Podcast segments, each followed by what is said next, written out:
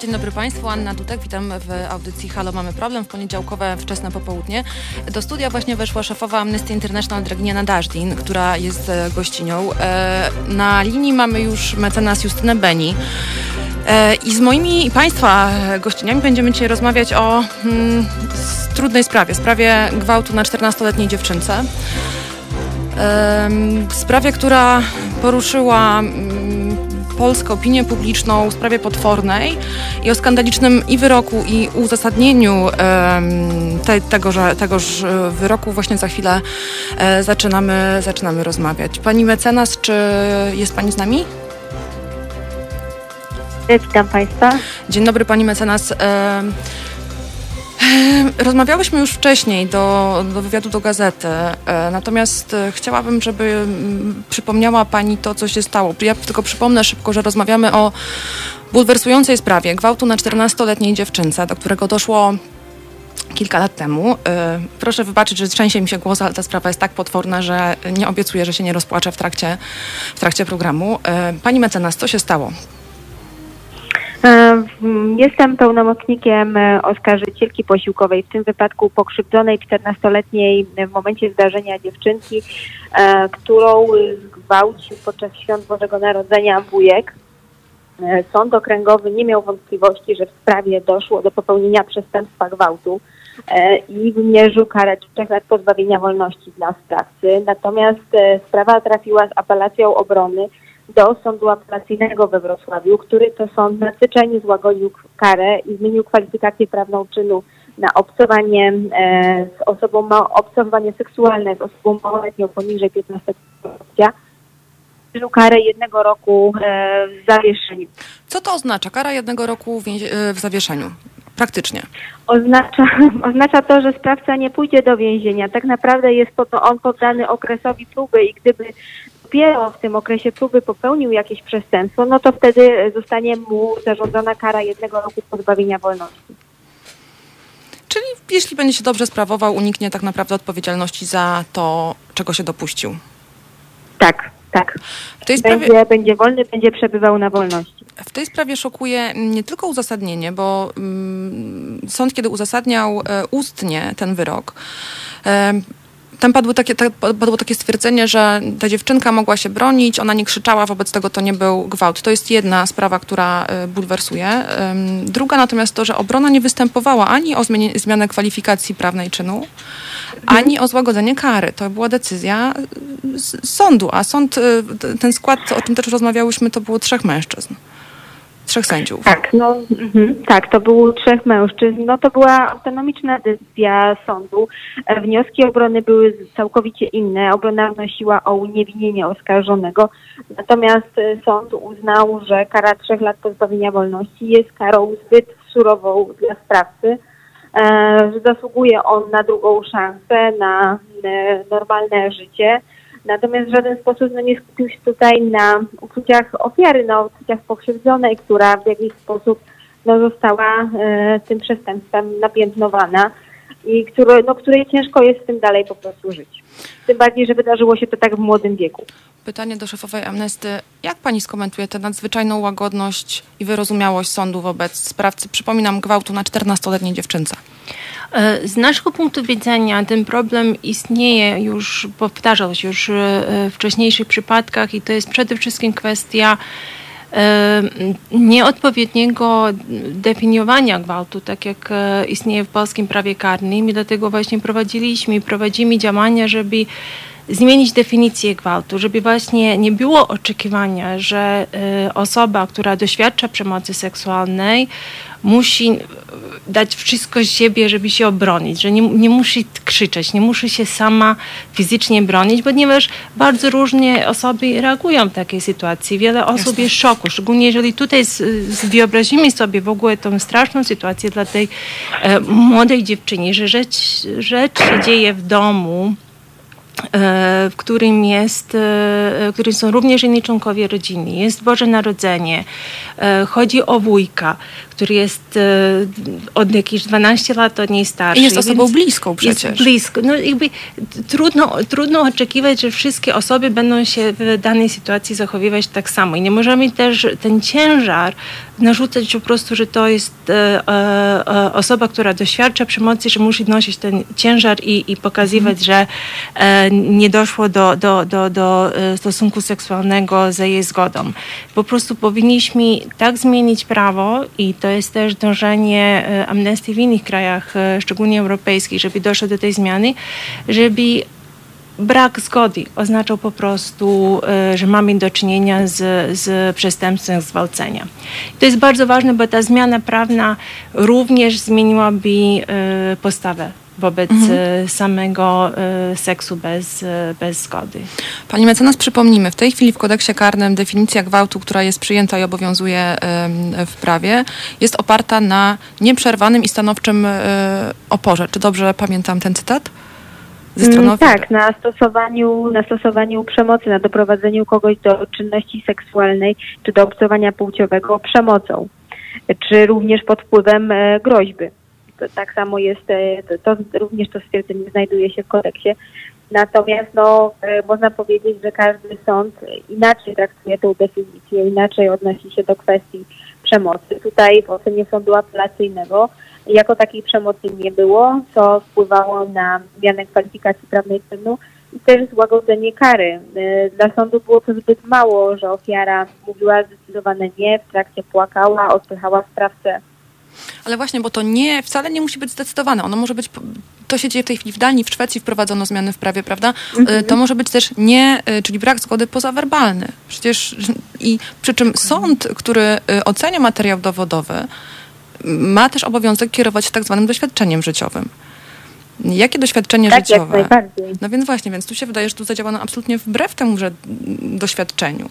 Bo trudno uznać, żeby 14-letnia dziewczynka była w jakimkolwiek sensie, w cudzysłowie dużym partnerem, e, w takiej, zwłaszcza w takiej sytuacji, żeby była przeciwwagą może lepiej, żeby potrafiła się skutecznie obronić. Mhm. No na pewno sąd tutaj powinien w jakiś sposób e, postawić się w sytuacji tej dziewczynki, wziąć pod uwagę to, że cała sytuacja mogła być dla niej bardzo krępująca, gdyż działo się to w domu jej rodziny. E, sprawcą był członek tej rodziny.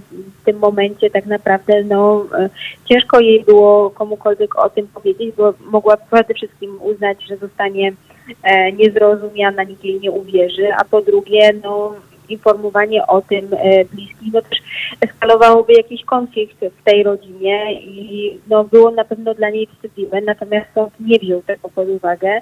E, uznał, że mogła się ona w tym momencie zachować jako osoba dorosła, e, krzyczeć, drapać, zaalarmować wszystkich członków rodziny. Tylko nie wziął pod uwagę tego, że każdy różnie reaguje w tego typu sytuacjach. I że to poczucie wstydu, prawda, to jest e, potworna, to jest krzywda, trauma dla ofiary. I to poczucie wstydu bardzo często blokuje, prawda? Bo co pomyślą, a czy ktoś mi uwierzy? E, czy tak to wygląda w tych sprawach, w tych działaniach, które prowadzicie? E? To jest jedna z podstawowych rzeczy, o których staramy się pokazać, że potrzebna jest edukacja, która, która uświadomi szczególnie młode osoby, jakie są ich prawa, E, ale też uwrażliwi na potrzeby innych osób, żeby właśnie od, od e, najmłodszych lat, e, czyli właściwie od tego momentu, kiedy już młode osoby zaczynają interesować się stosunkami z, z innymi osobami, żeby po prostu było uwrażliwione na to, że nie milczenie albo zabawa E, nie oznacza jednoznacznie e, zgody na stosunek seksualny, nawet jeżeli mówimy o relacjach, długotrwałych relacjach. E, natomiast tutaj widzimy, że tak naprawdę ta uświadamianie jest potrzebne również dla na nas wszystkich, również dla osób w, dorosłych, ponieważ to jest to, co, co bardzo mocno pokutuje, czyli zwalnianie całej winy na osobę, która to doświadczyła, na ofiarę, potraktowanie ją jako osobę niewiarygodną, doszukiwanie się, mm, znaczy nie mówię o konkretnym tym przypadku, ale bardzo często y, kobiety, które doświadczały przemocy seksualnej, są potem badane, jeżeli chodzi o ich przeszłość, jak się zachowywali w przeszłości, y, co mieli na sobie. Tak jakby to miało znaczenie, prawda? Tak jakby to absolutnie miało znaczenie. Czy były y, pijane, czy nie były pijane. To jest jakby sytuacja, która w żaden sposób nie może być tłumaczeniem, dlaczego doszło do przemocy seksualnej.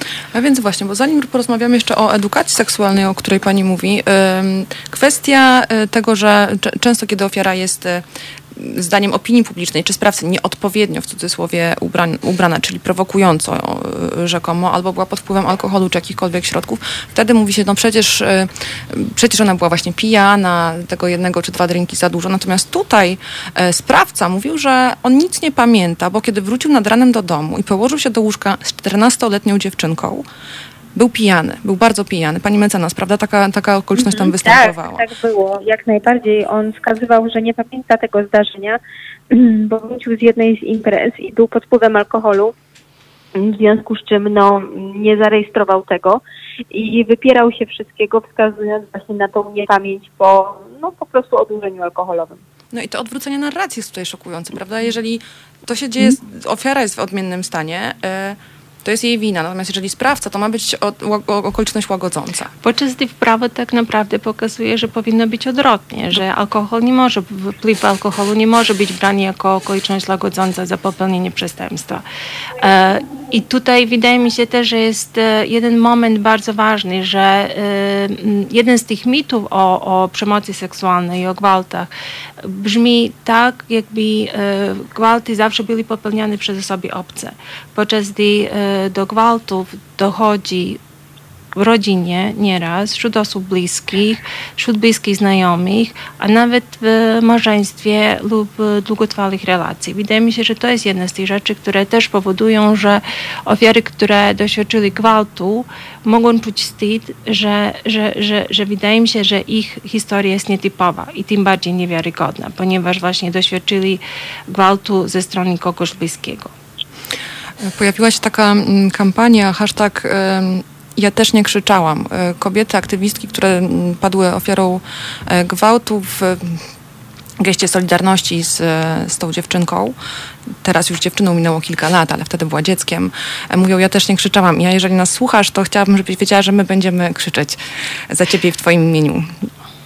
E, przypomnę szybko telefon do studia nasz telefon, jeżeli macie ochotę do nas zadzwonić, e, podzielić się z nami refleksjami, być może swoimi historiami, to telefon do studia to 22 39 059 22 i e-mail teraz małpa Halo Radio.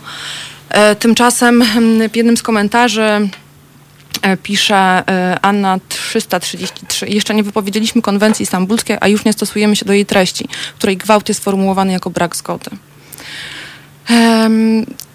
Kwestia wypowiedzenia, przecież premier Morawiecki już złożył e, wniosek o wypowiedzenie konwencji. E, znaczy, to jest potworne, bo tak jak... E, Przepraszam bardzo, złożył wniosek o wypowiedzenie tak, konwencji? Tak. Bo ja znaczy, złożył wniosek do y, Trybunału Konstytucyjnego. Czyli... Tak, tak, tak, tak, okay, tak, dobrze, tak, dobrze, dobrze, myślałam, tak, tak, nie, nie, nie, przepraszam, przepraszam, ja się że już coś przeoczyłam. Co się stanie, jeśli faktycznie Polska mm, konwencję wypowie? Bo już w tej chwili i, i wiemy to, tak by te statystyki policyjne bardzo się różnią od tych, e, które, którymi dysponują organizacje kobiece, którymi dysponuje Amnestia. Tylko przypomnę, że według waszych e, danych i szacunków tylko jeden na dziesięć gwałtów jest zgłaszanych. To są, ja bym chciała tutaj oddać e, ogromne, że powiem, podziękowanie Fundacji STER, bo to są e, badania, które poprowadziła Fundacja STER, co jest bardzo ważne, to są badania jakościowe. Mhm. bo y, prowadzili te badania rozmawiając z osobami, które y, doświadczyli przemocy seksualnej, kobietami, które doświadczyli gwałtu y, i pokazują one, że po pierwsze nie ma zaufania do organów ścigania i w związku z tym kobiety bardzo często nie idą z tym, coś, coś spotkało na policję, ani do prokuratury, y, a po drugie jest też taka obawa, że sam y, proces same śledztwo będzie po prostu ponowną traumą. I że i, i to jest ten moment, którego, jakby, którego sobie bardzo często nie uświadamiamy, że tak naprawdę osoba, która doświadcza gwałtu, potrzebuje zarówno pomocy prawnej, wsparcia ze strony policji i organów ścigania, ale również pomocy psychologicznej, żeby właśnie jak najprędzej nie, nie, nie wejść w taki system, że to jest e, jej wina, że to jest, e, żeby ten mechanizm właściwie obwiniania ofiary nie zadziałał. Żeby A on tak działa nie... świetnie, prawda? On się bardzo mocno trzyma. On się bardzo mocno trzyma i dlatego są właśnie ważne te głosy Solidarności, tak jak ta inicjatywa, o której pani redaktor mówiła.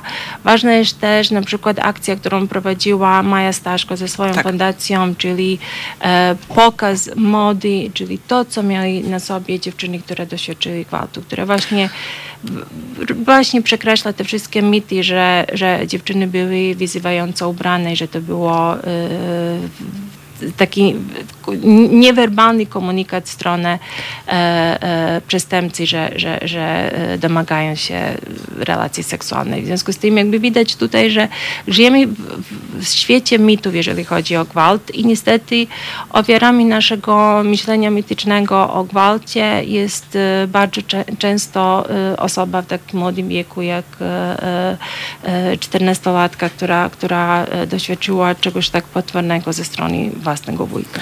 Nasza bohaterka, o której rozmawiamy e, tej nocy, kiedy, kiedy doszło do gwałtu, była ubrana w leginsy. Nie, żeby to miało znaczenie, ale to obala absolutnie, zresztą to zostało dawno obalone. Była też taka świetna akcja, kiedy mężczyźni e, pozowali w spódnicach i sukienkach, podpisywali te, te zdjęcia, e, czy moja spódniczka też jest za krótka. E, To była bardzo fajna akcja solidarności właśnie z ofiarami. Tutaj też chyba istotne jest to właśnie, żeby ofiary nie miały poczucia, że ktokolwiek je postawi pod pręgierzem, a opinia publiczna lubi to robić. Tutaj też było tak, że pani mecenas, też e, wspominałyśmy o tym w naszej rozmowie, że ponieważ, e, że to pewnie jakaś patologiczna rodzina, bo jak to jest możliwe, żeby dorosły facet e, spał w jednym łóżku z małą dziewczynką, no i tyle ich się najechało. Przypominamy, że to były święta Bożego Narodzenia. W jednym pokoju spali rodzice ofiary i rodzice sprawcy. W drugim pokoju spały, e, to było także młodzież i dzieci, prawda? To pokolenie młodsze. Tak, tak, tak było. I w salonie Mhm. spała babcia. I natychmiast pojawiły się głosy, że właśnie pani mecenas, jakie głosy? Co mówiono o tej No, rodzinie? pojawiło się sporo komentarzy na różnego rodzaju portalach, tam gdzie ukazał się artykuł e, o tej sytuacji, o tym wyroku, albo jakieś e, artykuły powiązane i bardzo dużo komentarzy było takich, że jak to mogło w ogóle e, wydarzyć się, że czternastolatka spała w jednym łóżku z dorosłym mężczyzną. A od razu każdy wskazywał, że na pewno ona sama do tego łóżka w jakiś sposób mu się wpakowała, że sama chciała się w tym łóżku położyć. Natomiast prawda wygląda zupełnie inaczej. Tak naprawdę w tym pokoju oni nie byli sami, tylko w tym pokoju spał jeszcze brat sprawcy i e, chrześnica sprawcy, która miała 4 lata. I moja klientka musiała e, spać na jednym łóżku z, z, no, ze swoim kuzynostwem tutaj w trójkę.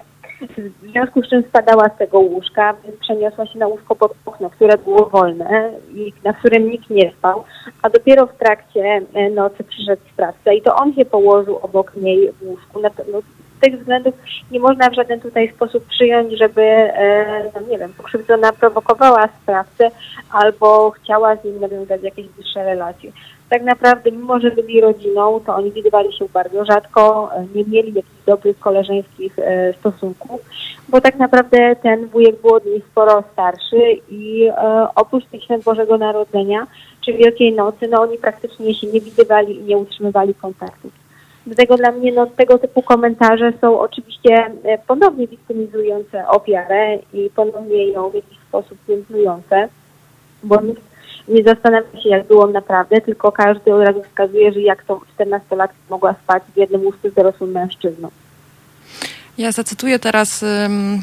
Zastanawiałam się, czy cytować to na antenie, natomiast uważam, że ważne jest piętnowanie takich wypowiedzi, tak to nazwijmy. Otóż Janusz Korwin-Mikke powiedział tak, Gajcy zwariował, to kryterium działa od 6 tysięcy lat, jeśli nie krzyczy, to widać tego chce. Jak, e, jak bez tego odróżnić ofiarę od dziewczyny, która owszem chętnie, ale potem oskarża o, o gwałt, bo boi się taty?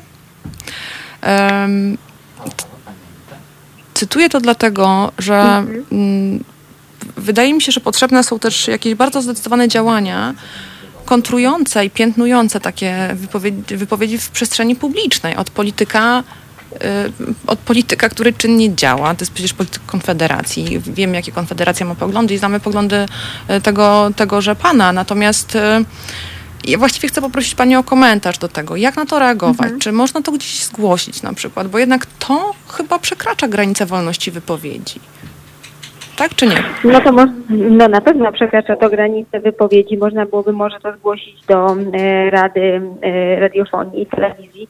Natomiast no nie wiem, czy tutaj e, pan Janusz Korwin-Mikke zostałby za to e, w jakiś sposób ukarany, bo znamy już od lat jego dosyć kontrowersyjne poglądy e, i zdanie, jakie wyraża w wielu sprawach. Natomiast mogę odnieść się do tego, co on powiedział, że jak odróżnić gwałt od e, niegwałtu to myślę, że trzeba do każdej sprawy podchodzić indywidualnie, oceniać okoliczności faktyczne towarzyszące temu zdarzeniu, oceniać relacje pomiędzy sprawcą e, a ofiarą, e, no, popatrzeć na tą sprawę w szerszym kącie, e, pod szerszym kątem. Natomiast tutaj, no tak jak wskazałam, ich nie łączyły żadne relacje, nie było tutaj żadnej zachęty, żadnego przyzwolenia. Mm, od początku mm, pokrzywdzona mówiła, że nie chciała tego stosunku, że już w trakcie mówiła, żeby przestał, żeby ją puścił.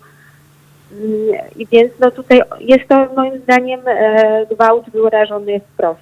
I jest brak zgody na ten stosunek seksualny. Merenika pisze, może bała się krzyczeć, argument sądu jest skandaliczny, a tymczasem my mamy e, słuchacza albo słuchaczkę, który, albo która do nas, słuchaczka, która do nas zadzwoniła. Halo, halo, dzień dobry. Dzień dobry, witam e, wszystkie panie. E, no ja jestem wstrząśnięta, e, chciałam powiedzieć, wyrokiem sądu. Natomiast mnie tak niepokoi pewna kwestia, a mianowicie jakby niesięganie przy tego rodzaju wyrokach po wiedzę psychologiczną. Każdy z nas wie, kto chociaż troszkę czytał, y, zainteresował się psychologią, to jest w ogóle stara, stare odkrycie, że y, każda osoba, która doświadcza jakiegoś momentu kryzysowego, takiego gwałtownego, która jest w stresie, w trakcie urazu, nazwijmy to tak, ona ma zawsze trzy wyjścia. To znaczy albo może walczyć, albo może uciekać, albo może zamierać. Mhm. Tak reagują zwierzęta i tak reagują ludzie. To jest ta reakcja fight or I flight, prawda? Dokładnie. Mhm. I ja nie rozumiem zupełnie, nie rozumiem, jak sąd, wydając tego typu wyrok, nie mógł sięgnąć po podstawową, bazową y, y, wiedzę psychologiczną na temat ofiar. O tym pisał Van der Kolk, o tym pisała Judith Herman, o tym pisało mnóstwo ludzi. Pani jest psychologiem? I to jest ja się zajmuję pomocą ofiarom mhm. przemocy psychicznej. I, I tego typu zachowania są absolutnie naturalne. Te, tak naprawdę te badania zaczęły być prowadzone po I wojnie światowej, potem y, wojna w Wietnamie jakby spowodowała, że zajęto się tym problemem bardziej. Y, i, y, a później Judith Herman, która po prostu mm, zainteresowała się w ogóle z perspektywy feministycznej kobietami w, w urazie. Zresztą napisała świetną książkę Uraz psychiczny i powrót do równowagi, którą wszystkim polecam, gdzie gdzie to jest jakby, to jest już, to jest tak, nawet to już nie jest szkoła podstawowa, to jest przedszkole psychologii. I, I to nie jest wiedza tajemna, to nie jest wiedza niedostępna. W związku z tym zupełnie tego nie rozumiem. Jak można nie kierować się e, takimi e, profesjonalnymi opiniami, które wykluczają, absolutnie wykluczają jakąkolwiek możliwość reakcji w sytuacji, kiedy jakby ten, to, to wydarzenie powoduje tak silny stres, tak silną reakcję organizmu, bo to jest reakcja organizmu, mhm. że y, organizm zamiera. Y, I to chciałam powiedzieć, to mnie porusza niezwykle w tej Nas całej też. historii. E, bardzo dziękujemy za, za, za, telefon i za te cenne informacje, a, a właściwie te, i te informacje, ten telefon dedykujemy panom sędziom z tego składu orzekającego. E, Dokładnie tak. Bardzo pani dziękuję. Bardzo dziękuję. Do, do usłyszenia. Do usłyszenia. Um, znaczy, może... Mogła odnieść się Proszę. do tego, co powiedziała pani, e, która dzwoniła. E, w sprawie jak najbardziej była opinia psychologa. Moja klientka była przesłuchiwana e, w całej sprawie tylko raz, właśnie w obecności sędzia, sędziego sądu pierwszej instancji i psychologa, ponieważ tak wyglądają teraz procedury dotyczące przesłuchiwania ofiar przestępstw seksualnych.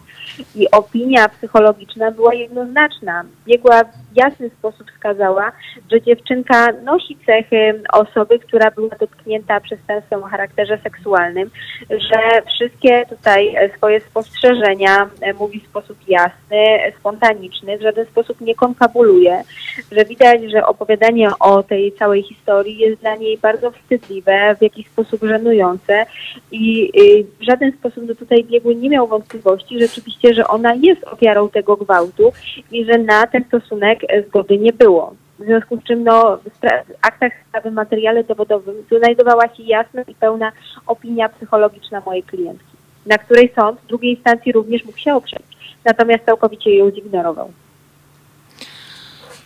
Trudno mi jest znaleźć słowa, które mm, byłyby adekwatne w tej sytuacji albo odpowiednie na antenie. E, natomiast mm, pytanie do pani Dragini, czy może pora na jakąś akcję społeczną, e, która postulowałaby właśnie obowiązkowe szkolenia, na przykład psychologiczne, e, czy z wiktimologii, na przykład dla sędziów, dla sędziów, dla pracowników wymiaru sprawiedliwości, bo to jest argument, z którym, taka, taki rodzaj opowieści, z którym ja rozmawiając z ofiarami czy przestępstw seksualnych, czy też innych, czy przemocy psychicznej, fizycznej, bardzo często się z tym spotykam, że po pierwsze konflikt jest mylony z przemocą i że ludzie, którzy decydują o życiu innych ludzi e, pokrzywdzonych, nie mają pojęcia, o czym mówią. Znaczy ja bym tutaj na pewno, na pewno y, szkolenia y, i uwrażliwianie sędziów to, to byłoby jak najbardziej skazane, nie tylko zresztą sędziów, ale również y, prokuratorów mhm. i policji oczywiście.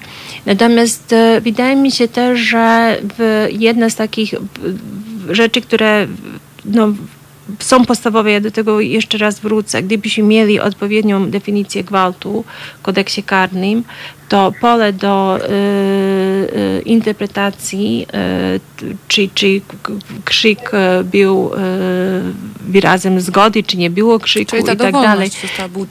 Tak, dokładnie. Więc tutaj bym, i to myślę, że też by ucięło takie wypowiedzi, które, o których y, pani redaktor wspominała, czyli na przykład to, co powiedział pan Korwin Mikke. Moim zdaniem jakby nie powinniśmy po prostu powielać Absolutnie. tego typu wypowiedzi i nie dawać, nie zapraszać go właśnie do telewizji, do radia, bo to jest chyba e, jedyny e, sposób, żeby e, go ukarać. Bo tego typu mhm. wypowiedzi są po to powiedziane, żeby po prostu potem znalazł się żeby więcej w mediach, prawda?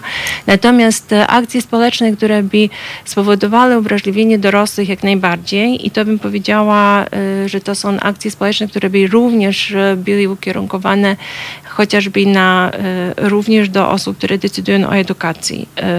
I, I tutaj wrócę do tego wątku, że w tym momencie edukacja seksualna jest traktowana jako jakieś zagrożenie dla, dla młodych osób, podczas tak naprawdę to pokazuje, w jakim, jakim stanie są te dorosłe osoby, które to mówią i czego one tak naprawdę potrzebują. Że mamy które nie były edukowane w tym zakresie. Dokładnie, prawda? więc tutaj mamy do czynienia z, z ogromną jakąś e, w, mm, trudną sytuacją w tym sensie, że te dorosłe osoby od, decydują o tym, jaki będzie program nauczania w szkołach. Te dorosłe osoby potem decydują o tym, czy, yy, czy uwrażliwiać młode osoby, czy uczyć ich, jakie są ich prawa i jak się mogą bronić. Natomiast wydaje mi się, że chodzi o kwestie dotyczące i sędziów. Ważne jakby jedno z tych rzeczy, które poruszyło też Stowarzyszenie Sędziów Polskich Justicja, było, było właśnie, do, dotyczyło tej zmiany definicji gwałtu ale wydaje mi się też, że rzecz, która jest wyjątkowo ważna, że cały czas nam będzie brakować e, czegoś bardzo ważnego, jeżeli nie będziemy się wszyscy uczyć e, spojrzeć na, na, na rzeczywistość z perspektywy tej osoby, która doświadczyła przemocy, bo wydaje mi się, że to jest ten wątek wstydu, który się też pojawiał, e, on się bardzo często pojawia też w relacjach z rówieśnikami mhm. albo z najbliższymi i tak dalej. Gdybyśmy wszyscy właściwie e, budowali sobie taką postawę e, zrozumienia, wsparcia e, i wzmocnienia dla ofiar przemocy seksualnej, szczególnie tak jak ta młoda dziewczyna, to myślę, żebyśmy zwyciężyli chociażby jedną rzecz, a to jest tą kwestię wstydu. I to jest jedna z bardzo ważnych rzeczy. Dużo. To jest bardzo ważna rzecz. Natomiast wydaje mi się też, że kwestia zmiany prawa, e, oczywiście nie od razu, ale na dłuższą metę by też spowodowała zmianę postawy. Do tych wątków e, także edukacji seksualnej e, bardzo istotnej. Zresztą te wszystkie wątki tak naprawdę bardzo się łączą. I kwestia edukacji właśnie y, konwencji stambulskiej, instrumentalnego i lekceważącego traktowania kobiet jako obywatelek gorszej kategorii, bo ja ciągle mam wrażenie, to nie jest wrażenie, to jest pewność, e, że tak to właśnie wygląda. E, i o tym też będziemy rozmawiać e, po przerwie, którą za chwilę zrobimy, natomiast porozmawiamy też o innym szokującym wyroku. Nie wiem, który z nich jest, nie wiem, czy można je w taki sposób oceniać, natomiast o tym porozmawiamy za chwilę. Ja tylko szybko przypomnę że, y, że mamy zrzutkę na www.zrzutka.pl ukośnik kampania zrzutka na kampanię informacyjną na temat tego, ile kosztuje nas e, Kościół katolicki. Kościół katolicki, który też ma tutaj bardzo dużo mm, do powiedzenia i bardzo dużo za uszami, mówiąc kolokwialnie, jeżeli chodzi właśnie o sposób, w jaki traktujemy ofiary, w jaki traktujemy w ogóle kobiety. W tym kraju o tym też porozmawiamy za chwilę. Ta kampania to siedem miast, Warszawa, Łódź, Kraków, Poznań, Katowice, Wrocław i Trójmiasto. W każdym z nich po siedem dużych billboardów, a Kościół katolicki kosztuje nas 20 miliardów złotych rocznie. Teraz e, Filip zapowie piosenkę i zrobimy przerwę. Tak, tym razem będzie, myślę, że może nawet adekwatnie do tematu, Superwomen. Dziękuję. Alicia Keys. Słuchajcie powtórki programu.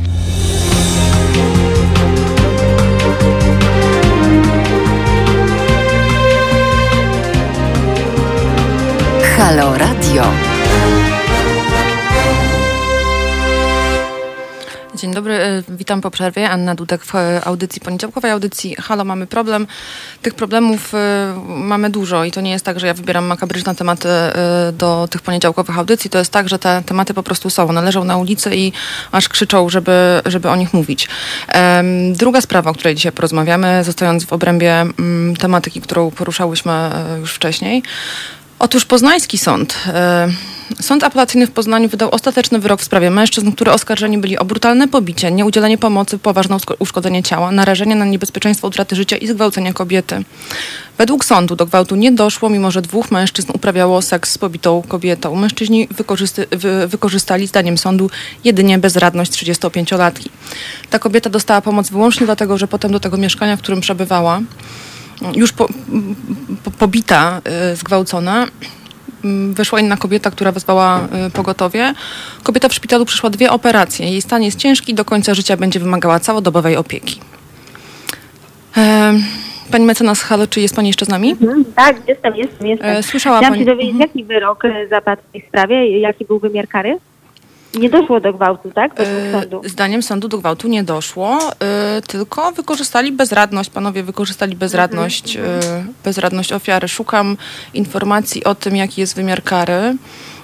No być może otrzymali jakąś karę za pobicie, no ale na pewno jest to kara zdecydowanie niższa niż gdyby była to kara za gwałt, bo trzeba przypomnieć, że kara za gwałt to od 2 do 12 lat.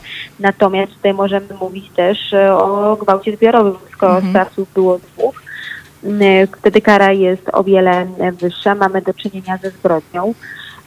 No, biorąc pod uwagę okoliczności sprawy, no, kara powinna być wyjątkowo surowa, tym bardziej, że ofiara ma takie silne e, obrażenia, że będzie do końca życia potrzebowała pomocy.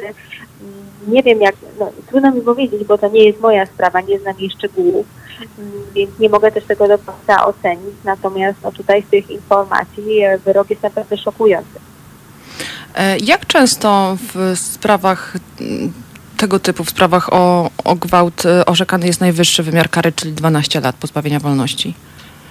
Pani mecenas? Trudno mi powiedzieć, jak często. Wydaje mi się właśnie, że to musi być gwałt ze szczególnym okrucieństwem, wyjątkowo drastyczny, aby orzec aż tak wysoki wymiar kary. W sprawach, w których ja byłam obrońcą, e, no zazwyczaj ten wymiar kary oscyluje w tych dolnych granicach, ale to muszę tutaj też e, na przykład przyznać, że sama byłam ostatnio obrońcą e, pana, który dopuścił się gwałtu na swojej partnerce, z którą od wielu, e, można powiedzieć, lat mieszka. E, I rzeczywiście ten wymiar kary był, oscylował przy tej najniższej granicy dwóch lat, ale okoliczności sprawy były też zupełnie inne, bo nie tylko państwo razem mieszkali ze sobą od wielu lat, oboje nadużywali alkoholu, a, przed, a przede wszystkim pani wybaczyła mu i już na sprawie sądowej mówiła, że po prostu chce dalej z nim być, chce dalej z nim prowadzić gospodarstwo domowe.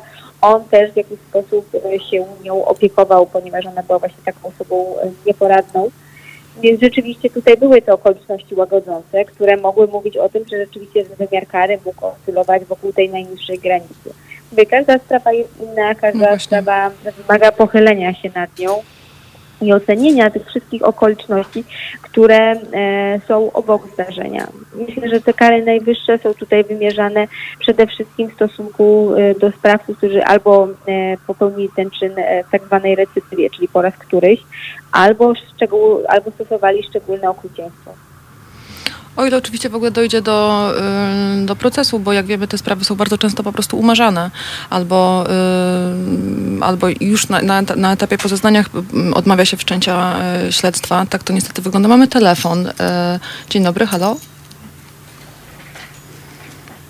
Aha, nie mamy telefonu. Chodziło mi o wymiar kary. Aha, dobrze. Kary, jednak, jednak, okej. Okay. Jednak, a, dziękuję bardzo, właśnie. Właśnie, Filip bardzo y, fajnie znalazł to szybko, więc najwyższe kary to 10,5 roku więzienia, dla dwóch mężczyzn trzeci dostał 8,5 roku, mhm. a ostatni jeden rok. Czyli jednak tutaj ta kara rzeczywiście była, mhm. była wysoka. Mm. No ale pytanie, czy aż tak wysoka, czy aż tak bo wysoka. właśnie tutaj obrażenia ofiary, to jest spowodowanie ciężkiego uszczerbku na zdrowiu, który ofiara będzie miała do końca Zniszczenie jej życia tak naprawdę. No tutaj, tak, tak, tutaj ta kara startuje od trójki, jest to zbrodnia. Mhm.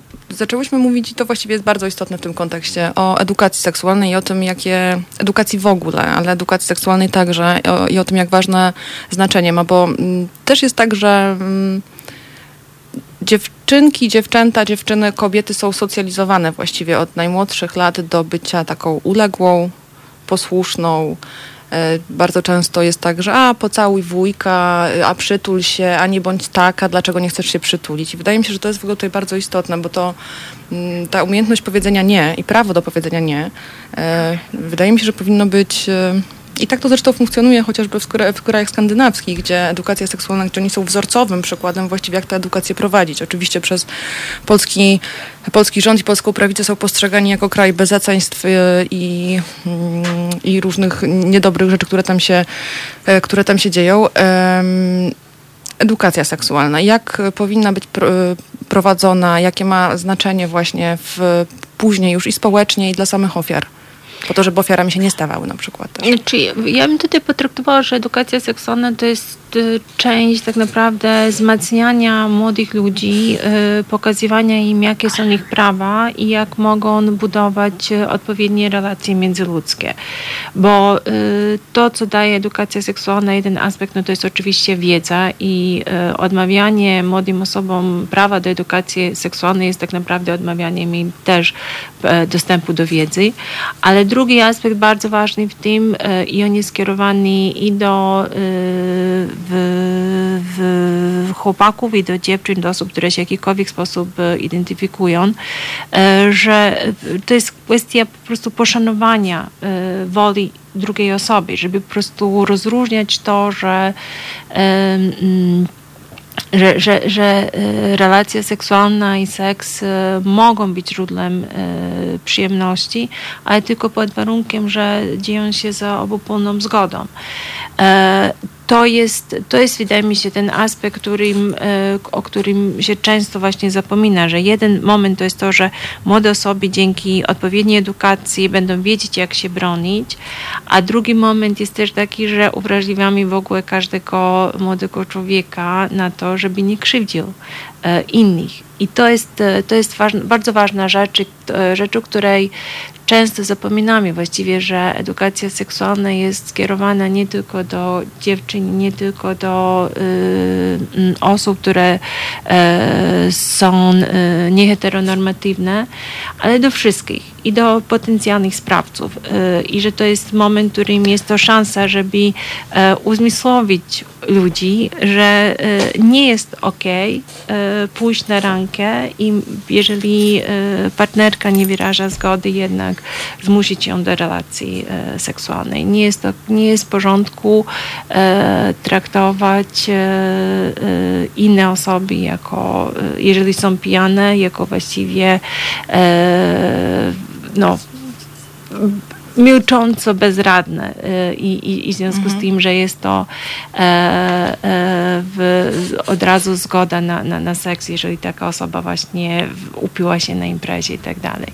Więc to jest, wydaje mi się, wyjątkowo ważna rzecz, która e, z jednej strony jest ten aspekt wiedzy bardzo ważny, który jest e, w, edukacji, w edukacji seksualnej, a z drugiej strony jest ta kwestia właśnie budowania postaw u młodych osób, czyli budowania postaw, które pomogą mi docenić E, siebie, swoje ciało i swoje prawa, ale też pomogą mi docenić innego człowieka i zrozumieć, że on może mieć zupełnie inne potrzeby.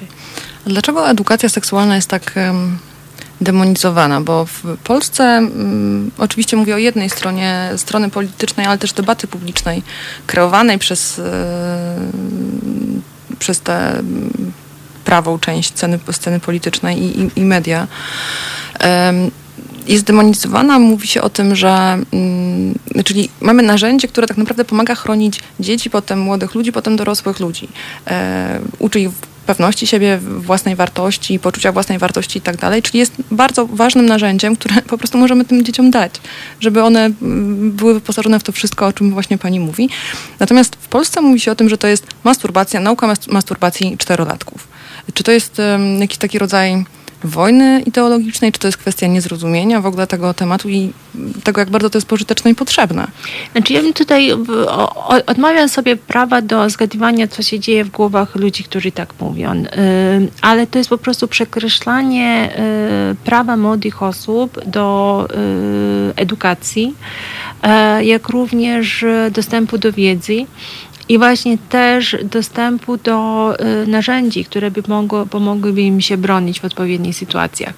E, to jest troszeczkę, powiedziałabym, taka podobna sytuacja. Wydaje mi się, że tutaj może być taka obawa, że im więcej młodych ludzi będzie wiedziało, jak się zachować i o co w ogóle chodzi w budowaniu relacji z inną osobą, e, że może to być e, źródłem też pewnego rodzaju negatywnych informacji, że po prostu wtedy, wtedy będzie mi wiedzieć więcej o tym, co spotkało młodą osobę, jeżeli ona zgłosi, że coś się spotkało ze strony nauczyciela albo, albo ze strony e, bliskiej osoby e, i to jest albo ze strony księdza, więc to jest jakby sytuacja, która jest e, e w, może to jest właśnie brak tej e, gotowości na przyjęcie tego typu informacji i powalczenie z tym. Natomiast wydaje mi się, że faktycznie jednak mamy do czynienia de facto z demonizacją, jak to pani redaktor powiedziała, czyli e, bardzo instrumentalnym traktowaniem tego tematu. E, potraktowaniem tego, że e, sytuacja dzieci, sytuacja młodych osób może być w bardzo łatwy sposób odwrócona do góry nogami mhm. i rozmawianie z nimi o seksie i o ich własnym ciele może zostać uznane jako właśnie psucie tych młodych osób. E, I to jest ten moment, w którym niestety, ale to pokazuje, że młode osoby w tym wypadku stają się narzędziem w politycznym. I niesamowita i bardzo smutna rzecz jest taka, że w związku z tym wszystkie osoby, które działają oddolnie i prowadzą edukację seksualną, e, trenerzy, którzy próbują właśnie takie rzeczy robić, e, mogą się spotkać z bardzo z bardzo dużym ostracyzmem już teraz. I spotykają się, prawda? A, I spotykają się, a, a, a, a na dodatek im się grozi tak naprawdę, że, e, że zostanie tak zmienione prawo, że, że to może być po prostu już karane. Więc to jest e, sytuacja, która jest absolutnie niedopuszczalna, bo tutaj jakby jako organizacja, która e, w, w, działa w wielu krajach świata, to widzimy właściwie to, w jaki sposób różne y, sytuacje mieli miejsce w różnych krajach świata, na różnych kontynentach i dlaczego tego typu edukacja jest ważna. E, wspominaliśmy przed chwilą właśnie Danię i kraje skandynawskie. E, w Danii zapowiadano, że ponad podziałami partie pójdą właśnie w tym kierunku, żeby zmienić prawo, e, ale to się zadziało dopiero w wtedy, kiedy ujawniono, jaki procent kobiet, które doświadczyli przemocy seksualnej, czyli mówili o badaniach na przykład, które robiło 24 tysiące e, kobiet i mówimy o tym, że tylko e, kilkaset z nich e, zgłosiło to na policję i ostatecznie to, do to wyroku... akurat duńskie badania, prawda? Tak, tak, tak, tak. I akurat do wyroku doszło e, 98 chyba Tak. przypadkach, do wyroku skazujących. Więc w, tutaj pokazujemy, że tak naprawdę ten moment w, w, zgłaszania na policję jest z jednej strony na pewno, właściwie braku zgłaszania na policję, z jednej strony na pewno uwarunkowany tym, e, jak jest postrzegana policja, jak jest postrzegana cała ta droga, przez którą e, ofiara przechodzi, e, jakie jest potencjalna reakcja społeczeństwa i najbliższego otoczenia, ale też tego, ile dana osoba wie, ile, Mhm, Właśnie. ile wie, co może zrobić, jakie, jakie ma prawa i to, co się stało w jej przypadku, czy to jest faktycznie to, co można zakwalifikować jako przemoc seksualną i, i gwałt. Dlatego myślę, że to jest wyjątkowo ważne, żeby edukację seksualną traktować jako jedną z bardzo ważnych e, aspektów edukacji. E, Natomiast czemu służy demonizacja edukacji seksualnej, czemu służy e, brak chęci rozmawiania o tym, że są na świecie e, osoby nieheteronormatywne i że należą im się takie same prawa jak wszystkim innym, dlaczego jest brak chęci uznania autonomii e, kobiet e, i osób, wszystkich osób, które, które, które mają decydować o własnym ciele. E, To wydaje mi się, że jest po prostu e, w kwestia dotycząca w ogóle przekreślania naszego prawa i, i braku poszanowania dla praw człowieka. To jest chyba charakterystyczne, nawet nie chyba, na pewno, to, że y, fundamentaliści y, w wielu znaczeniach zaczynają często od edukacji. Talibowie to, co zrobili, to pierwsze pozbawili dziewczęta y, możliwości edukacji. Y, to znaczy y, zwyczajnie zamknęli je w domach po to właśnie, żeby nie były, nie stawały się świadome, wykształcone, po to, żeby łatwiej y, mieć nad nimi y, kontrolę. I to jest bardzo charakterystyczne w każdym z reżimów albo z, zanim e, jakiś system rządu stał się reżimem, e, tak się właśnie działo. Mnie to dziwi tym bardziej, że mówimy o kraju, o Polsce, gdzie tyle słyszy się e, o potrzebie ochrony dzieci, ochronie rodziny. I podczas gdy mamy narzędzia, żeby te dzieci rzeczywiście chronić i dbać o relacje w rodzinie, nikt z nich nie chce korzystać, wciąga, mm, wciąga właściwie te same dzieci w jakąś taką wojnę ideologiczną. Pani mecenat, wróćmy do, y, do sprawy, w której pani reprezentowała swoją klientkę, reprezentuje swoją klientkę. Jakie są dalsze możliwości, y, żeby ten wyrok się zmienił? Czy są? No, jedyną taką naprawdę możliwością jest teraz, e, bo ja nie mam już teraz żadnych e, narzędzi prawnych, żeby ten wyrok zaskarżyć, natomiast jedynym tutaj e, takim narzędziem jest tak zwana kasacja nadzwyczajna, którą w okresie 6 miesięcy od wydania wyroku przez sąd apelacyjny może wnieść albo prokurator generalny, w tym wypadku minister sprawiedliwości lub rzecznik praw obywatelskich. E, Natomiast mm, pan e, tutaj, prokurator generalny, potrzebuje takiej rekomendacji jakby z prokuratury, e, która prowadziła tutaj to śledztwo, żeby złożyć tą kasację nadzwyczajną. Z tego co wiem, jakieś kroki zostały po- podobno podjęte przez prokuraturę krajową, która e, zleciła prokuraturze regionalnej ponowne przejrzenie akt i przeanalizowanie tego całego wyroku i tej sprawy. Natomiast ja ze swojej strony, kiedy tylko otrzymam uzasadnienie pisemne tego wyroku, zgłoszę się o pomoc do pana Rzecznika Praw Obywatelskich, o e, pomoc w tej sprawie, przeanalizowanie jej i ewentualne złożenie właśnie tej skargi nadzwyczajnej. To jest trudna sytuacja, bo sytuacja, pozycja właściwie prokuratora generalnego nie jest pewna. Y, Rzecznik Praw Obywatelskich dr Adam Bodnar właśnie skończył kadencję, choć jeszcze sprawuje swoją funkcję, więc tak naprawdę ten timing nie jest korzystny. No jest bardzo zły, Mhm. bo tak naprawdę zawirowania na scenie politycznej, e, niepewne stanowisko ministra sprawiedliwości e, mogą sprawić, że ta sprawa dziś przejdzie bez echa, e, no bo tak naprawdę bardzo dużo się dzieje, również biorąc pod uwagę Rzecznika Praw Obywatelskich, który w każdym momencie może zostać odwołany, może zostać powołany ktoś pełniący obowiązki RPO. My będziemy pilnować, żeby ta sprawa na pewno nie przeszła bez echa i będziemy pilnować bardzo y, uważnie i, bardzo gorliwie tego. E, to z całą pewnością. Mamy komentarz. Pod hasłem ochrona rodziny kryje się ochrona patriarchatu i to jest... Mm, trudno się z tym nie zgodzić tak naprawdę, ale to już jest temat, o którym będziemy rozmawiać e, po, po dłuższej muzycznej e, przerwie z moją kolejną gościnią, aktywistką Bożeną Przyłuską. To po przerwie, a teraz dziękuję bardzo moim fantastycznym gościniom, mecenas Justyna Beni i szefowa Amnesty International Polska, Draginia Nadażdin. Dziękuję, Dziękuję bardzo. bardzo. To jest powtórka programu.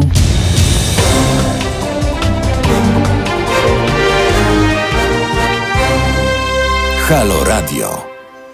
Dzień dobry Państwu, witam po kolejnej przerwie. Anna Dudek w audycji Halo, Halo mamy problem. E, Mamy już naszą, e, moją i Państwa kolejną e, gościnia. Jest to Bożena, e, Bożena Przyłuska, aktywistka z Warszawskiego Kongresu e, Kobiet i Kongresu Świeckości. Dzień dobry. Nie, nie, nie. Nie. O, ja jestem z warszawskiego strajku kobiet. Źle cię przedstawiłam.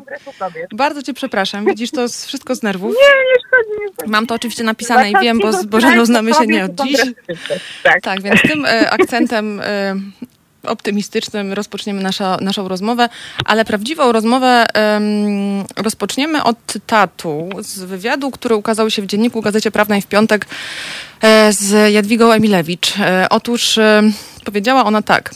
Jeśli po coś jestem w polityce, to po to, by utrzymać fundamenty prawa naturalnego, na których zbudowana jest nasza cywilizacja. Jestem politykiem po to, aby rodziną nadal był związek kobiety i mężczyzny, a życie najsłabszych było chronione, mówi w dzienniku wicepremier K. Jadwiga Emilewicz. I o tym właśnie będziemy rozmawiać w drugiej części audycji, to znaczy o kobietach, które tak chętnie pilnują patriarchatu. Co takiego jest, e, co takiego może być, chociaż to się wydaje w ogóle bardzo przedziwną konstrukcją. Co może być dla kobiet pociągającego w, czy interesującego w patriarchacie na tyle, żeby chciały go bronić? E, po pierwsze, dzień dobry, Aniu, dzień dobry Dzień Państwu. dobry. E, ten, ten, to, to ostre, mocne wejście, ale, ale Kongres Kobiet jest, e, jest e, zupełnie inną organizacją, ma Ale- inny charakter niż Ale niż jasne, strajk, oprócz tego my z Bożeną znamy się, nie, dziś rozmawiamy wielokrotnie, No więc bardzo przepraszam i Państwa i Ciebie. E, Nie, w ogóle nie, nie, nie, nie, absolutnie nie przepraszaj. Już, e, już odpowiadam na twoje pytanie. Mm, Wydaje mi się, że, że patriarchat jest tak sprytnie zorganizowany, e, że uśmiecha się do kobiet, e, którym e, w tym patriarchacie jest dobrze e, i jest tak zorganizowany, że rzeczywiście bardzo wielu kobietom jest w tym patriarchacie dobrze.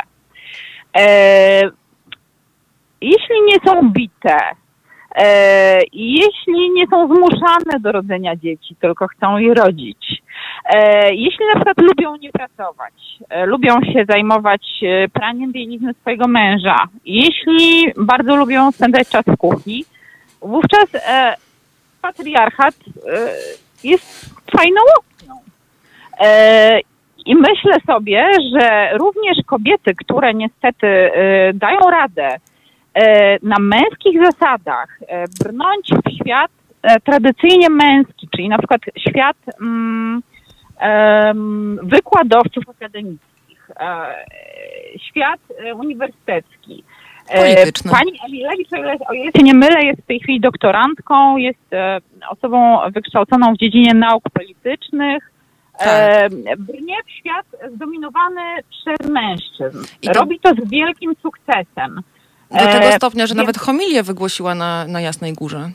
No więc właśnie, Mhm. więc, więc jakby ona najwyraźniej dobrze sobie radzi w tym świecie, więc e, ja myślę, że taki, e, takie radzenie sobie w świecie mężczyzn musi wyzwalać takie myślenie, że no skoro mi się udało, to znaczy, każdej kobiecie musi się udać w tym świecie, prawda? A e, wiemy, że tak nie jest. E, czasem jest tak, że na przykład e, nie udaje się zdobyć e, dobrego doświadczenia, e, nie udaje się zdobyć dobrego wykształcenia. Czasem jest tak, e, że są jakieś przeszkody zdrowotne w tym, żeby osiągać sukcesy.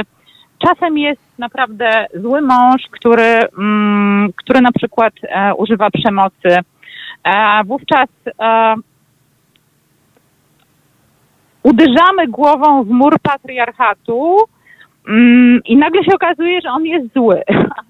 Ale gdy nie jest dla nas zły, no to jakby często nie mamy nic przeciwko temu.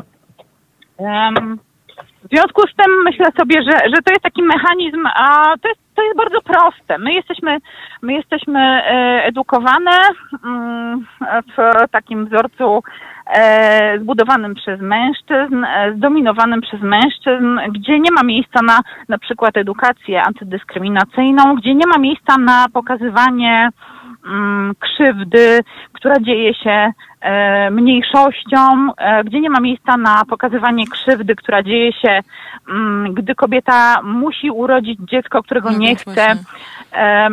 I wówczas e, po prostu znakomita e, większość, to może przesadziłam, ale bardzo duża część społeczeństwa po prostu jest kompletnie nieświadoma tego, jakie straszne tragedie, jakie nieszczęścia niosą ze sobą takie przemocowe zasady, które patriarchat promuje e, i z sukcesem wdraża. E, I niestety właśnie znajdują się wśród nas kobiety, które są skłonne tego patriarchatu bronić. One mają wokół siebie e, mnóstwo mm, wsparcia społecznego, które jakby utwierdza je w dobrym, słusznym e, wyborze. No bo one jawią się jako Polityka- strażniczki tradycji, prawda?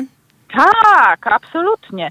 Pani Emilewicz jest dowodem dla prawicowego polityka. Pani Emilewicz jako kobieta em, z urodziwą twarzą jest dowodem na to, że stary porządek jest dobrym porządkiem, że tak właśnie powinno być, prawda?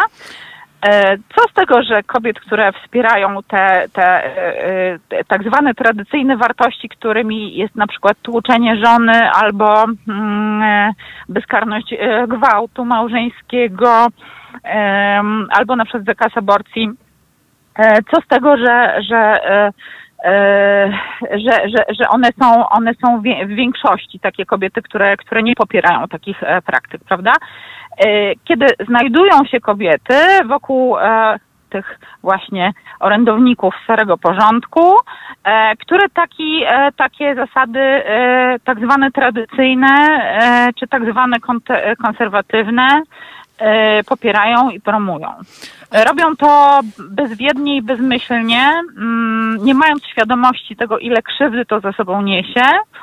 E, Robiąc to, robią to w imię swoich e, korzyści, korzyści swo, swoich e, związanych z karierą, na przykład w tym wypadku prawda? polityczną, Mhm. prawda? E, tak, natomiast, natomiast e, prawdopodobnie robią to bezwiednie, no ale robią to i e, czynią krzywdę, nie mając świadomości, ale, ale czynią krzywdę. Także myślę, że myślę, że wyprzedzając Twoje pytanie, bo pewnie zapytasz się, co możemy na to poradzić, że, że, że chyba musimy po prostu skupić się na uświadamianiu konsekwencji, a skupiając się na tym a, zasadniczym e, haśle, które promuje w tej chwili pani Emilewicz, czyli e, że konieczne jest wprowadzenie całkowitego zakazu aborcji. Tak, jeśli pozwolisz, ja y, musimy- zacytuję tę wypowiedź, bo ona jest Tak, bardzo... tak. Bardzo warta zacytowania, uważam. Być może to najważniejsza ustawa, chodzi o y, ustawę aborcyjną, a tak naprawdę antyaborcyjną z 93 roku i e, wyłączenie z niej tak zwanej przesłanki embriopatologicznej, e, czyli Czyli sytuacji, kiedy płód jest poważnie uszkodzony albo ma wady letalne. Najczęściej, bardzo często jest to zespół Downa i to jest zresztą najczęstsza przyczyna, bo w ponad 96 czy, czy, czy 8% e, przypadków legalnie, legalnych terminacji ciąży w Polsce to jest właśnie, to jest właśnie ten, ta przesłanka, czyli de facto oznacza to wprowadzenie, pozbycie się tej przesłanki oznacza wprowadzenie całkowitego zakazu e, aborcji. Teraz tak, pani wicepremierka mówi tak, mówię to, być może to jest najważniejsza ustawa, jaką powinniśmy wprowadzić tu i teraz. Mówię to w pełni świadomie. Mało tego, mamy teraz, właśnie teraz mamy wyjątkową sytuację, kiedy powinniśmy tę sprawę podjąć. Oto wszyscy zgadzają się, że zwierzęta futerkowe są hotowane w okropnych warunkach i ludzie wrażliwi nie mogą godzić się na takie barbarzyństwo. W tej sprawie mamy zgodę od prawa do lewa. Obok tego mamy zupełnie e, zostawioną sytuację, w której człowiek, bo przecież to jest człowiek, jest pozbawiany życia. To zderzenie jest dla mnie dramatyczne, przekonuje wicepremierka. No niestety ten, e, ten fragment, który zacytowałaś, on ilustruje w jakiś sposób um, ta ultrakonserwatywna narracja, która stworzyła własny język, prawda? Tutaj um, odnoszę się do, do tego, że bo przecież to jest człowiek. No płód, zarodek nie jest człowiekiem, tylko jest płodem tak. i zarodkiem, prawda? Um, ta ultrakonserwatywna narracja przesiąkła debatę publiczną i w sposób skuteczny um, obezwładnia e, dyskusję. E, No bo jeśli przecież to jest człowiek, no to przecież nie będziemy zabijać człowieka, tak? E, Tymczasem e, jakby nasza strona nieumiejętnie i nieudolnie broni tego języka prawno-człowieczego, który mówi o rzeczach takimi, jakie są i nazywa Dlaczego je w taki sposób, który...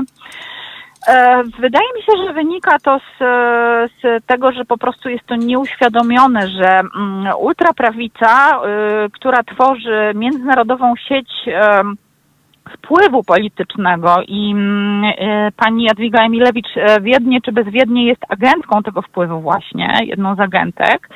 E, Ta, ta, mm, ta sieć wytworzyła, wytworzyła pewien język, pewien słownik, który ma ym, przez ofensywę taką właśnie, e, która sączy się z ambon, która sączy się z e, mównicy sejmowej z ust, z ust prawicowych polityków. E, Ona ma wy, wytrącić nam e, jakby pewną siatkę pojęciową, wytrącić nas z tej siatki pojęciowej, stworzyć nową siatkę pojęciową. Już nie mówimy o, nie mówimy o płodach, zarodkach, mówimy o dzieciach nienarodzonych. Ale prawda? to się dzieje, Em, prawda Bożena? Bo to się, to się dzieje, to się niestety dzieje i właśnie dlatego e, twierdzę, że, że nasza obrona tego języka e, prawno-człowieczego jest nieudolna. My, my, my mamy nieuświadomione to, że oni z premedytacją używają tego języka. My dajemy wiarę, że to jest w, do, w dobrej wierze. To nie jest w dobrej wierze, to jest e, język stworzony z premedytacją Tak, przez sieć Mhm. międzynarodowych działaczy ultrakonserwatywnych, których celem jest e, przywrócenie tak zwanego naturalnego porządku, o którym również wspomina Tak. pani Emilewicz. to jest takie kolejne E, słowo Ten naturalny wytrych. porządek to jest w ogóle nie wiadomo co, prawda? Bo my nie wiemy, co to jest naturalny Właśnie chciałam cię porządek. zapytać, to jest, chciałam, prawo wy- dżungli, prawda? Tak, ja chciałam, żebyś tam wyjaśniła to właśnie. Co to jest naturalny porządek, bo ja nie bardzo wiem, co to jest naturalny porządek, ale widzę, że też nie, nie Słuchaj, masz... tego chyba nikt Mhm. nie wie, co to jest naturalny porządek, ale mm, w ustach osób o prawicowych przekonaniach e, jest to porządek, którego oni chcą. Natomiast e, nie da się to w takich kategoriach logicznych w żaden sposób obronić, dlatego że jeżeli ten porządek jest naturalny, czyli związany z naturą, no to rozumiem, że mówimy o prawie dżungli, tak? Mówimy o tym, że, że No tak, słabsi e, mają e, zostawać z tyłu, e, silni górą, prawda? Przeżyją e, silni, piękni, bogaci, e, a reszta e, niech sobie zdycha pod płotem. To jest Może- no, prawo naturalne, może dlatego tak przełożone chęt- prawo dżungli na prawo społeczne. Ale tak? może tak dlatego tak chętnie mówią o eugenice, bo właśnie wspomniałaś o tym języku i zatrzymajmy się tu na chwilę, bo rzeczywiście Tak. ja, ja byłam w szoku, kiedy ostatnio mm, w ubiegłym tygodniu Rzeczywiście, kiedy mm, gruchnęła wiadomość, że e, został złożony kolejny raz wniosek do Trybunału Konstytucyjnego o rozpatrzenie konstytucyjności właśnie, znaczy zgodności z konstytucją tej e, usłanki, e, przesłanki embryopatologicznej, ja napisałam wtedy na Facebooku, że właściwie zaapelowałam do ludzi w mediach, żeby nie pisali o przesłance eugenicznej, o której po prostu z lubością i premedytacją mówi wciąż prawica, ale nie tylko prawica. Bo okazuje się, że media nie do końca z naszej bańki, ale media mainstreamowe, to znaczy na przykład TVN, w ogóle bez żadnego obciachu pisze o przesłance eugenicznej, która nie istnieje. Jakby jedyny powód, dla którego prawica o tym mówi, to jest taki, że mm, jakby skojarzenia mają być oczywiste. Prawda? Mają być s- selekcja naturalna i tak dalej, i tak dalej, y, porównanie do nazizmu. Jakby I to jest ewidentne. Co się dzieje takiego właśnie, że my, my, media mainstreamowe, opinia publiczna przejmują ten język? Przecież to jest na, naprawdę pułapka, to już widać Wiesz, to się, efekty. to się sączy, wiesz, e, jest ogromna rola Kościoła, w tym właściwie decydująca jest rola Kościoła w tym. E, Kościół jednak ma ogromne wpływy w Polsce i to nawet e, wśród ludzi, którzy mm, wcale się nie czują, nie są mm, praktykujący, nie, nie, nie są, nie uważają się za mm, e, takich no bardzo e, radykalnych w swoich przekonaniach, tak? Takich umiarko... Mówię o takich e, umiarkowanych katolikach, którzy czasem wpadną do kościoła, z reguły Wierzący, nie praktykujący. Tak, ale z reguły to, to jakby w ogóle nie, nie mając z ko- z kościołem wspólnego, ale do ich uszu gdzieś w rodzinie, przez jakieś media, e, trochę o zabarwieniu prawicowym sączy się ten język i on po prostu się wgryza. No jest problem, e, jest problem nawet e, po stronie lewi, lewicy. No ja e, miałam ostatnio do czynienia z debatą taką wewnętrzną e, w e, takim bardzo, bardzo e, już lewicowym, przebranym, że tak e, brzydko powiem, gronie. E, I pewien, e, pewien znakomity lewicowy polityk uporczywie używał sformułowania kwestie światopoglądowe, mając na myśli kwestie prawno-człowiecze.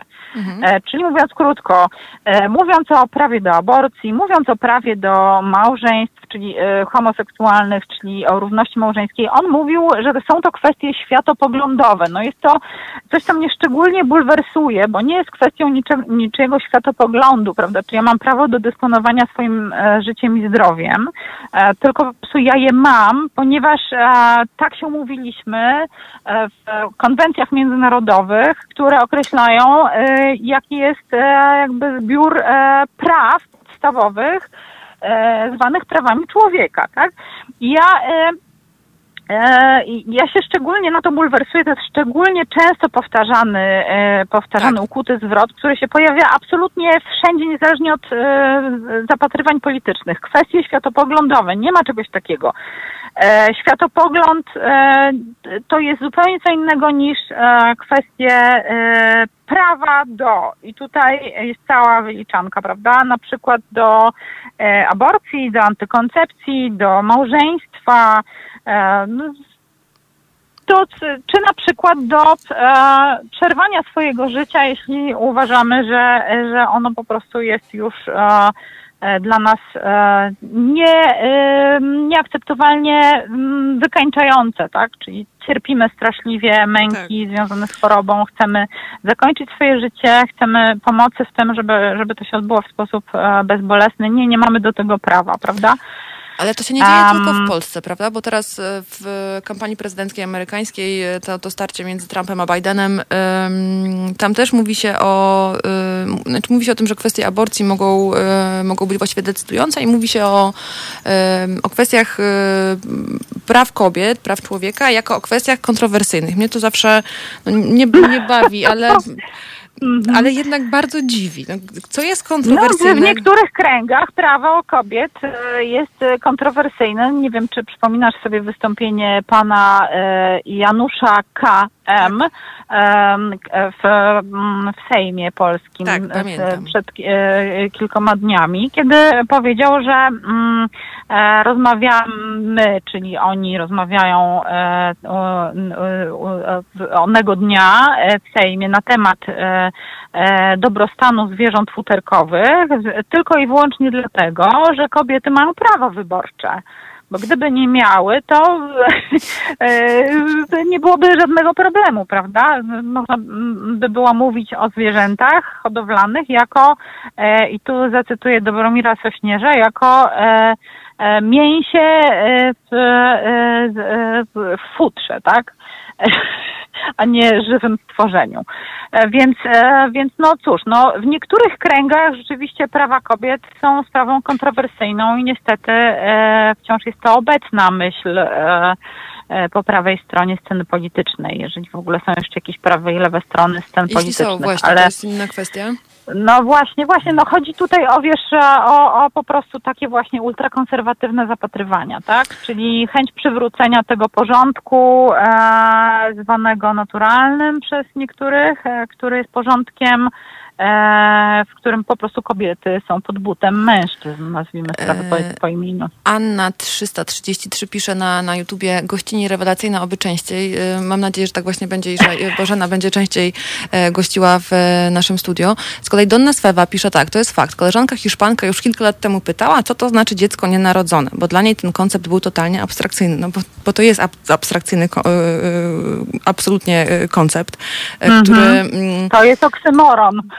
Te, to jest To jest oksymoron. oksymoron. Ponadto tak, jeżeli podejdziemy do sprawy w ogóle y, też językoznawczo. Em, Chciałam Cię teraz zapytać o. y, Nie, wcześniej chciałam jeszcze zacytować jeden z komentarzy, tylko muszę y, to przesunąć. E, Selekcjoner pisze, polecam opowieść podręcznej. To jest sztandarowa powieść Atwood, której, em, która zawsze się po- pojawia właściwie w kontekście, kiedy rozmawiamy o patriarchacie, o martach, obrończyniach patriarchatu i właśnie w, tam właśnie Serena Joy Waterford jest przykładem kobiety sprzyjającej patriarchatowi i potem doświadcza jego zasad. Ja się zawsze zastanawiam, kiedy mm, słucham e, posłanek mm, prawicy, właśnie zresztą minister Ziobro był uprzejmy powiedzieć, że Zjednoczona Prawica jest dobrem. Więc kiedy słucham, e, słucham e, posłanek e, prawej strony, e, to zawsze mam skojarzenie właśnie z tymi, z tymi martami, bo one mówią to samo właściwie i o konwencji antyprzemocowej, o tradycji, o zamachu na, na cywilizację w ogóle tak naprawdę. Najpierw jest zamach na rodzinę, a potem jest zamach na cywilizację, ona upada z wielkim hukiem, a to wszystko jest wina e, potwora gender, LGBT i tak dalej.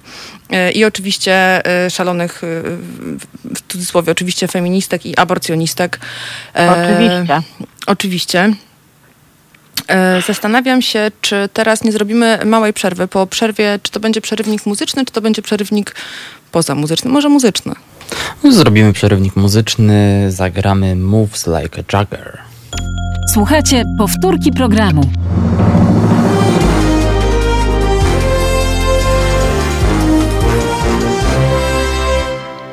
Witam po kolejnej przerwie. Przy mikrofonie Anna Dudek, a w studio jest z nami y, telefonicznie, ale jest to obecność bardzo y, krzepiąca i cenna. Y, Bożena Przyłuska, halo.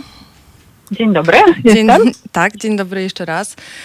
Tak sobie pomyślałam, że mm, w temacie, o którym rozmawiamy, jest jeszcze bardzo jedna istotna instytucja, instytucja potężna, z ogromnymi wpływami, ogromnymi pieniędzmi. E, jest to e, Kościół katolicki. A zanim e, zaczniemy rozmawiać o, o tym, co wymyślają biskupi, to chciałam wam przypomnieć o o naszej zrzutce. Pamiętajcie, że my utrzymujemy się z.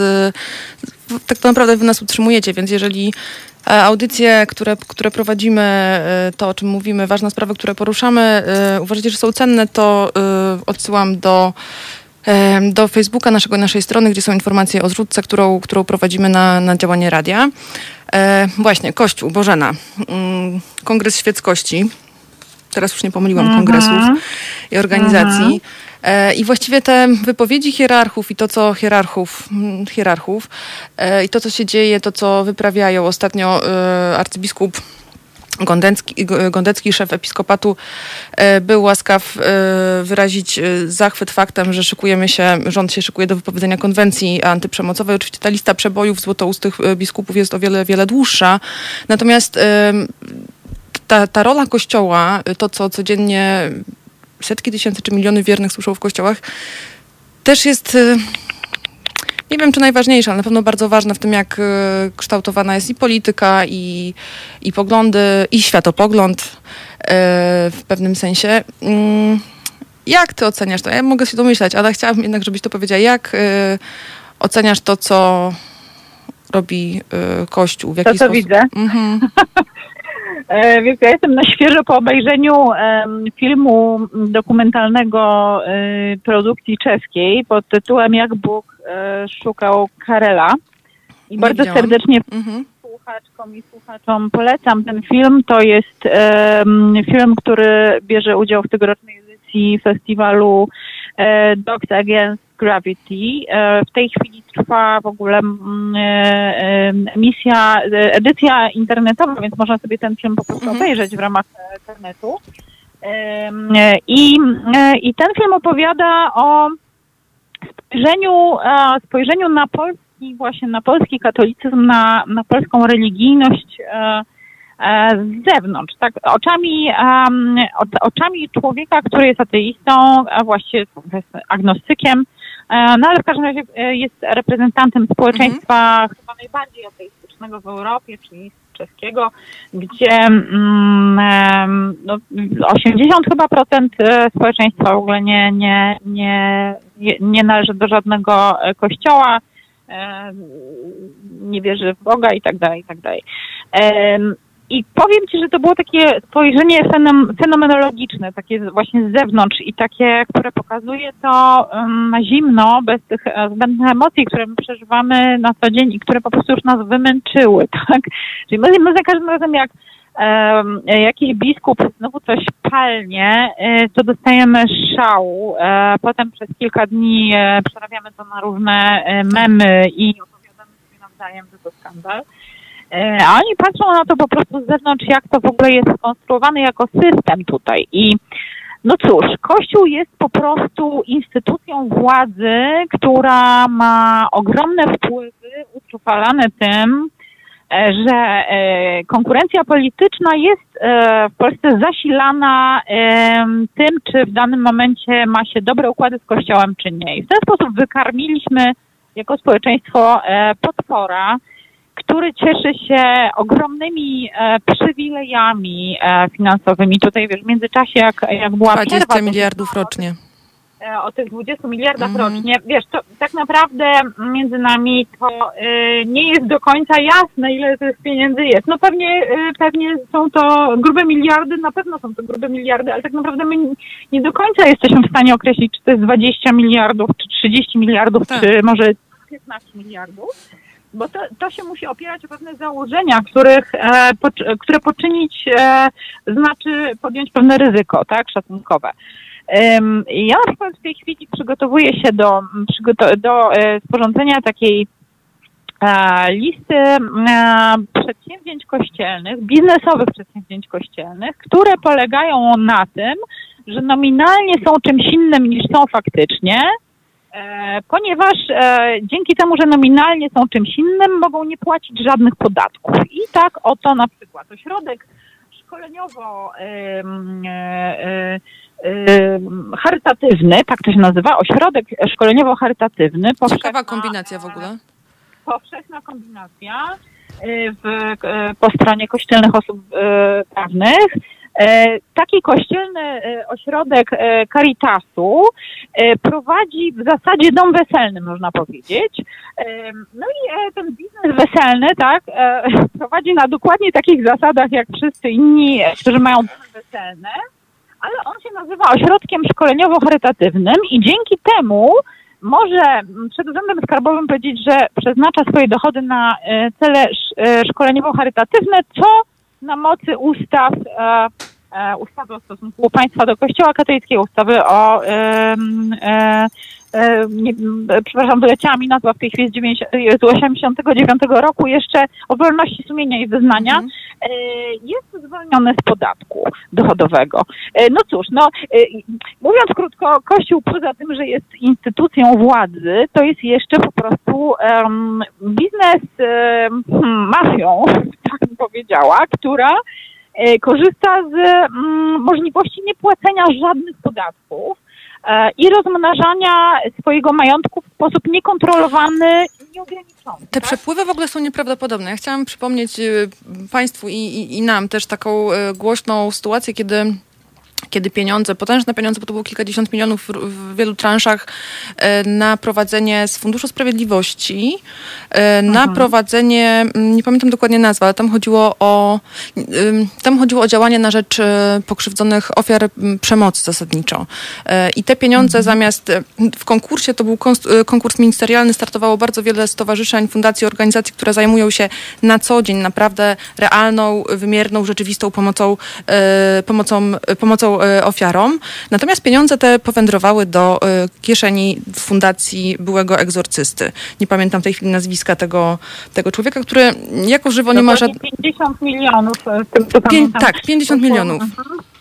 Mhm. To jest raz oczywiście te pieniądze, które płyną nieprzerwanym strumieniem do y, ojca ryzyka, to jest, y, to jest inna, inna sprawa, ale jeżeli robisz tę listę, to czuję, że niedługo znowu spotkamy się w y, audycji, bo to bardzo, bardzo ciekawe. To jest dłuższe przedsięwzięcie, może mi zająć parę miesięcy, parę ładnych miesięcy, myślę. no, E, Więc, więc e, no, z chęcią pogadam, natomiast e, biznes kościelny to jest, to są dziesiątki tysięcy kościelnych osób prawnych. E, Samych parafii w Polsce jest ponad 10 tysięcy, a każda z parafii w Polsce i każda z diecezji i każda osoba caritasu jest oddzielną kościelną osobą prawną. Co to znaczy? Że ona jest na oddzielnym rozra- e, rozrachunku i może prowadzić swoje biznesy e, e, bez informowania o tym episkopatu, tak? czyli to jest niewykrywalne w ogóle tak naprawdę. Dzięki temu, dzięki temu, że, ko, że Kościół rzymskokatolicki w Polsce mm, nie jest jedną osobą prawną, która uczestniczy na przykład w obrocie gospodarczym, tylko to są dziesiątki tysięcy kościelnych osób e, prawnych, e, to jest to całkowicie niejawne, co, co się dzieje w sferze finansów. E, I to są rzeczy, o których musimy mówić. My e, jako Kongres Świeckości próbowaliśmy o tym mówić, próbowaliśmy dotrzeć do mainstreamu z takim projektem o jawności właśnie Mhm. finansowania Kościoła. Ale mm, e, i likwidacji jego przywilejów finansowych, ale nie udało nam się to niestety. To był trudny okres e, e, dwóch wyborów, mm, Mhm. w związku z tym ciężko się było przebić. No ale poddajemy się i będziemy dalej, dalej to robić, dlatego że jedną sprawą jest to, ile nas kosztuje Kościół, a drugą sprawą jest to, na jakiej podstawie my to wyliczamy. My nie możemy tego wyliczyć, na przykład nie mając informacji, ile e, utraconych korzyści wynika z właśnie posiadania przez Kościół przywilejów typu właśnie e, odprowadzam dochody na cele szkoleniowo e, Doradczo- charyta, tak, charyta, charytatywne. charytatywne i dzięki temu nie muszę płacić żadnych podatków, tak? Mało tego, wśród tych celów, na które Kościół odprowadzając swoje dochody może uniknąć płacenia podatków, jest e, cel zwany kultem religijnym. Czyli mówiąc krótko, jeżeli jakakolwiek osoba, kościelna osoba prawna przeznaczy swoje dochody z działalności gospodarczej na cele kultu religijnego, który nie wiadomo czym jest, bo żadna ustawa tego nie określa, ale wystarczy, że powie, że to robi, że, że wydaje to na cel kultu religijnego, wówczas nie odprowadza żadnego podatku. Mówiąc krótko, e, Kościół nie musi płacić żadnych podatków. Tak? Prowadząc biznes e, taki jak wszyscy, jest nieuczciwym konkurentem w wielu różnych dziedzinach. E, w tej chwili na przykład właśnie w, w branży domów weselnych, w branży hotelowej. E, Wkrótce e, uruchamia e, biskup warmiński, uruchamia wielki hotel spa czterogwiazdkowy. Tylko Rybakach. oj. Tak, tylko cztero. Hotel spa czterogwiazdkowy na Warmii, tak. Pewnie zawalczą później o więcej gwiazdek, gdzie będzie jakby no, prowadzony normalny biznes, tak. E, I to jest biznes kościelny i on prawdopodobnie będzie zwolniony z jakichkolwiek podatków, jeśli, chyba że dla zachowania pozorów jakieś tam będą odprowadzane, ale założę się, że większość pieniędzy będzie szło po prostu na cele kultu, czyli e, mówiąc krótko do czarnej dziury, tak? Sinsiul Złoty pisze koszta na YouTubie, pisze tak, koszta kultu y, religijnego to doskonała w cudzysłowie pralnia. A ja chciałam przypomnieć, bo za chwilę musimy kończyć, y, ale mm, kilka dni temu, y, na początku, w pierwszym tygodniu września biskup, biskup Dec, y, biskup senior diete, diecezji świdnickiej stwierdził, że aktualnie najpoważniejszym zagrożeniem ludzkości nie są wcale choroby zakaźne, ani głód. Jeżeli tak myśleliście, to się myliliście, podobnie jak i ja. Ani nawet katastrofy ekologiczne, ale właśnie ideologia gender.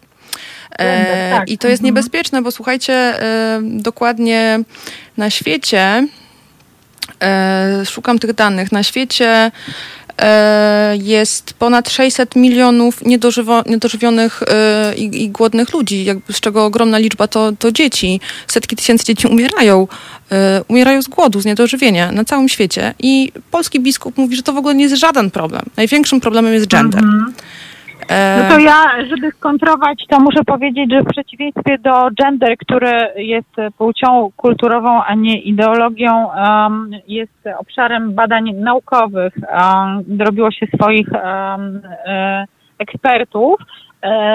Ideologią jest e, właśnie e, katolicyzm. Katolicyzm jest ideologią, jest ideologią niezwykle szkodliwą. W rękach biskupów polskich jest śmiertelną e, bronią, bronią masowego rażenia, która uderza w e, osoby e, szczególnie, e, szczególnie e, będące szczególnym przedmiotem zainteresowania Kościoła, czyli osoby LGBT, e, w feministki, w ateistki i ateistów, tak, i feministki i feministów. E, No ale e, umówmy się, że obecnie najbardziej uderza właśnie w osoby LGBT oraz Tak. e, kobiety, które no, chciałyby, chciałyby albo czują, że muszą, tak, przerwać niechcianą ciążę, bo są na przykład zagrożone szczególnie tym, że będą miały, będą miały mm, mm, perspektywę urodzenia dziecka ze śmiertelną wadą, tak? E, więc e, no jest to wszystko potworne. Jest to tak, takie odwrócenie e, na głowę porządku faktycznego, że, że aż trudno uwierzyć, że ludzie się dają na to nabrać. Ja, ja naprawdę nie mogę się nadziwić. Jeszcze raz polecam film, jak Bóg szukał Karela, bo to jest właśnie tam pięknie pokazane jak, jak, doszło, jak, do, jak doszło w ogóle do tego, że, że w Polsce po prostu em, zrobiono ludziom wodę z mózgu, e, że dali się nabrać na to, że Chrystus jest e, ich królem a, i rządzi, powinien rządzić światem. Em, no, Bożena, musimy, mojej strony. musimy, Rozumiem, musimy kończyć, nad czym ubolewam, bo y, chociaż zaczęłyśmy od, y, od mart, które wspierają patriarchat, skończyłyśmy na kościele, tematów się pojawiło mnóstwo, one są wszystkie zresztą połączone, są, tak jak powiedziałaś, naczynia połączone tak naprawdę, Mhm. więc trudno mówić o jednym bez drugiego, a potem bez trzeciego i siedemnastego. E, bardzo Ci dziękuję, że byłaś. Mam nadzieję, że to nasze pierwsze spotkanie na, e, w tym studio, ale na pewno nie ostatnie. I że przyjmiesz kolejne zaproszenie. Ja już się z Państwem żegnam. Bardzo dziękuję. Naszą gościnią była Bożena Przyłuska ze strajku kobiet. E, Kłaniam się Dziękuję nisko. bardzo. Do usłyszenia wkrótce. Do widzenia.